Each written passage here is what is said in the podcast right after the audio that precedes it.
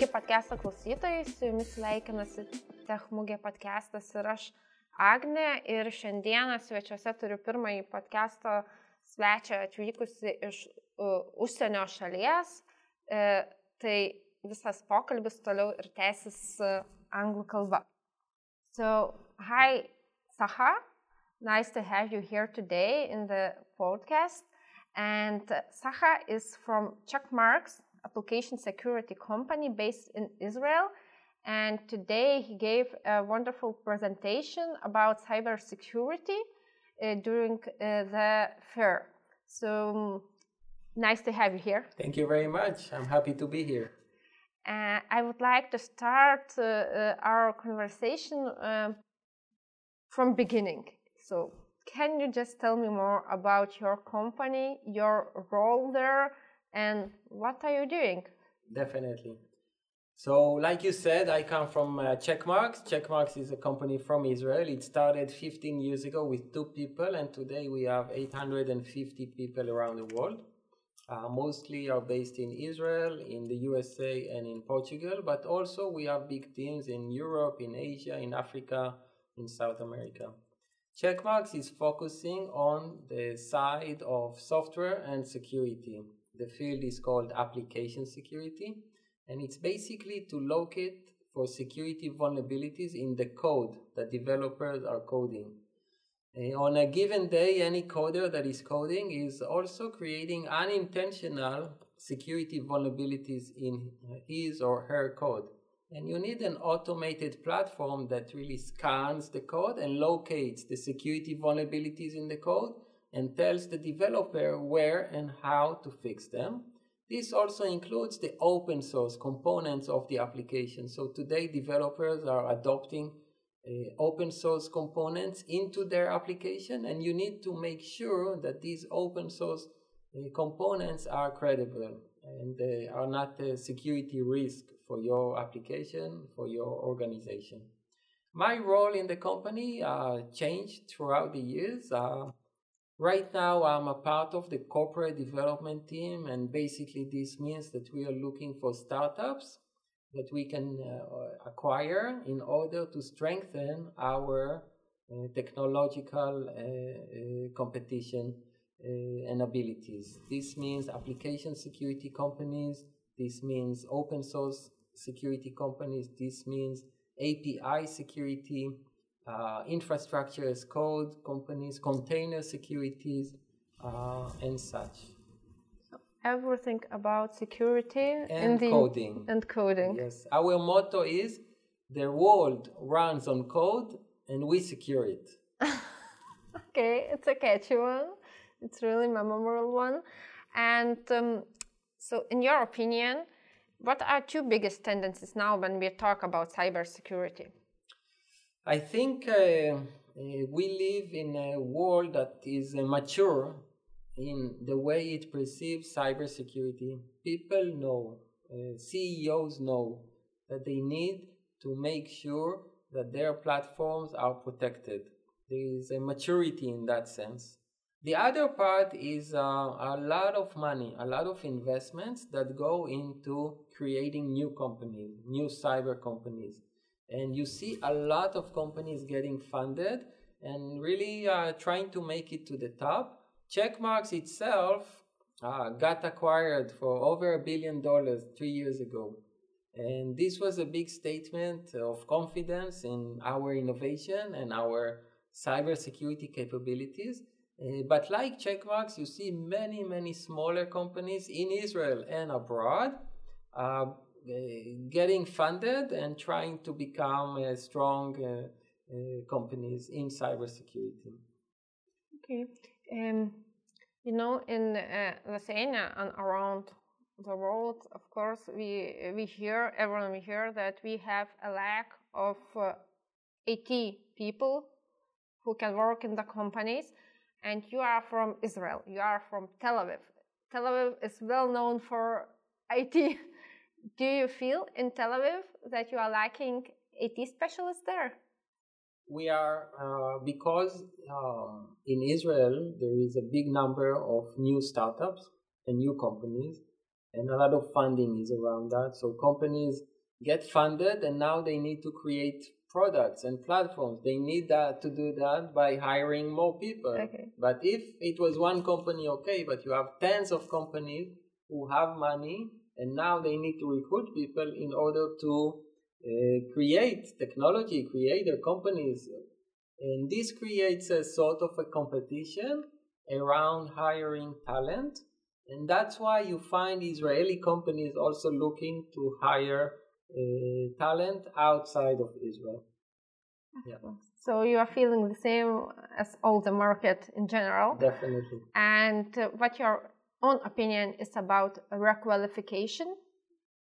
I will tell you, I'm trying to preach everywhere I go that uh, companies also need to hire junior hires. Okay? Everybody wants the top gear, five year experience, uh, uh, employee that knows everything, has experience. And I'm trying to tell companies hire also junior positions. Allow them to come into the pool, train them, qualify them, and make them a part of the ecosystem. Otherwise, we will continue to fight. You will recruit my employees, I will recruit your employees. Everybody would take employees of others because it's the same number of people and you want to enlarge the community. So open your doors to junior uh, recruitment. Uh, this is also on an economic point of view. It strengthens the economy in a, a given country uh, because you bring more people who are now getting better salaries and they pay more taxes. So it's a win-win for everybody, but it starts with the idea that companies should welcome more junior positions, more junior hires. I'm not saying 50%, but 10%, 20% of your hiring should target those without experience. Um, yeah. So if I am one of them, this uh, beginner, the junior, what I should do? So I think there is a few things you could do in order to improve your chances. It's hard to give a, a, a full answer, but at least we can talk about improving your chances. Number one, be a part of an ecosystem. Uh, you can learn with your friends, with your community, new capabilities, new technologies, new concepts, and do it together. Number two, uh, this needs to be a petition level, meaning uh, the tech community in Lithuania needs to go to all the big companies and make them understand that as a group, these big companies need to open their doors to junior hires and it's not that I will go to one company, the community needs to go to all big companies and ju- just make them uh, maybe sign a petition and say, yes, we are opening our doors to junior hires. Another thing that uh, I try to promote is government uh, institutions like the ministries in, uh, in Lithuania, um, the police, the military, the air force, should open up their doors to uh, junior hires because the government is a good incubator for people to come and gain experience. These people then later on join the workforce, but they got the experience in the government and the government could absorb it. It's not a private company, it's a public company, and as a part of this public agenda, it's also to increase the number of people who have experience who then join the workforce. So governments also should open their doors to junior hires. In Israel, the number one incubator for uh, bringing juniors into the workforce, into cybersecurity, is the military. The military is the best ecosystem for people finishing high school they are recruited to the military, to the cyber units. Over there, they are trained and they gain experience. In Lithuania, if you don't have that big of a military, you should open up the government ministries and offices for junior hires. This is where they would get the experience required. Does your company is open for junior hires? Checkmarx is uh, in a shift Uh, we started as a small company. Today we have 850 employees, and we understand that we need also to hire uh, people who are in a junior position. So definitely, yes. It's really um, nice and beautiful to hear that, as um, we are lacking a lot of, of people working in IT field.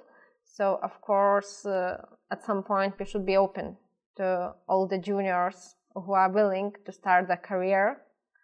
And um, there is one thing that I like to tell uh, uh, people who are starting their career. You are just one person uh, that is sending a CV and you need to make the right noise in your CV. Use the right buzzwords.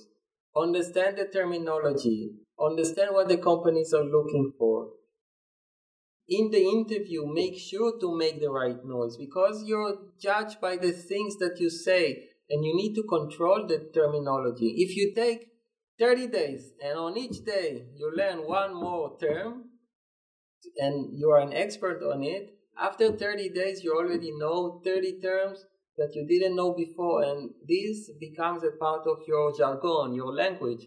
And when you go to the job interview, just use them, show them that you know what you're talking about. So, on one hand, we're talking about getting experience in various ways, in promoting junior hires, in opening government ministries to hire junior positions. On the other hand, control the terminology know what you're talking about, make the right noise. Be a, a, a um, noise maker of the right noise. the right noise. I gave uh, an example in the presentation that I didn't make it to sing at the Israeli opera. And you know why? Because I didn't make the right noise. You need to make the right noise. Every, anything you do in life, if you go to politics, if you are a parent, if you are a commander in the military, if you look for a job, you need to make the right noise that people are looking for it. And uh, when you go to a job interview, make sure uh, you control the terminology. Otherwise, you're just one more person. Okay, and um, to finish our conversation today, the last question would be: as you are representative of cybersecurity sector, so um, what is waiting waiting for cybersecurity job market in near future? Um, the way I see it is uh, there are two things you need to remember. Number one, there are not enough people working in cybersecurity, and there is a big demand. Banking, insurance, government, infrastructure, and software companies all are looking for more talent. And if you get on that train, you're gonna get a life of a lot of opportunity and good salaries and everything. The other hand, people forget. Like I mentioned in the beginning, there are more new startups that are being built. And these startups want to succeed. If they want to succeed, they need people. Where would they get these people from? So you have an opportunity to join a very growing industry of a lot of money and companies who are looking to build new products, uh, get more customers, uh, and work with these customers for long term. And this is your chance maybe to, to jump on, on the train. Become of the startup and cybersecurity startup uh, ecosystem. Thank you very much. Thank you, and come to visit Israel. I promise to come back to Lithuania. It was really, really pleasure to have you here at our podcast, and till the next time, maybe. Thank you.